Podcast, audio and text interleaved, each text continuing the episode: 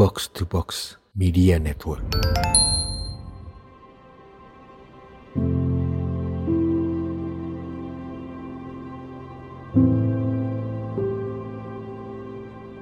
Toxic people, kalau dilansir dari hellosehat.com, memiliki arti jenis pribadi yang suka menyusahkan dan merugikan orang lain, baik secara fisik ataupun emosional.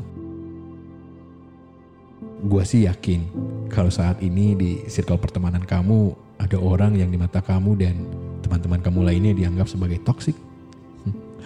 Dengan ciri-ciri yang cukup menonjol, seperti cuma pengen senangnya aja, tidak berempati, suka mengontrol dan memanipulasi orang lain, tidak mau mengakui kesalahan, dan sering meremehkan orang lain.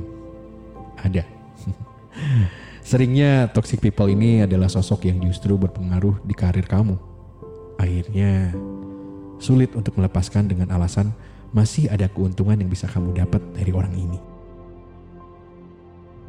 Mungkin saat ini kamu masih baik-baik aja kalau misalnya di dekat kamu masih ada tuh toxic people. Tapi keberadaan mereka bisa aja ngerubah pribadi kamu dalam kurun waktu cukup lama. Gak salah kalau misalnya kamu milih untuk tetap bersama mereka. Tapi gak mungkin salah kalau kamu memilih untuk melepas diri dari jeratan toxic people. Masih banyak di luar sana orang-orang yang memberikan energi positif buat kamu. Sayangi diri mulai dari kamu sendiri. Jangan berharap orang lain berubah untuk menyayangi kamu dan sesuai yang kamu harapkan. Gue Dias Pratama, Daddy's Wise World.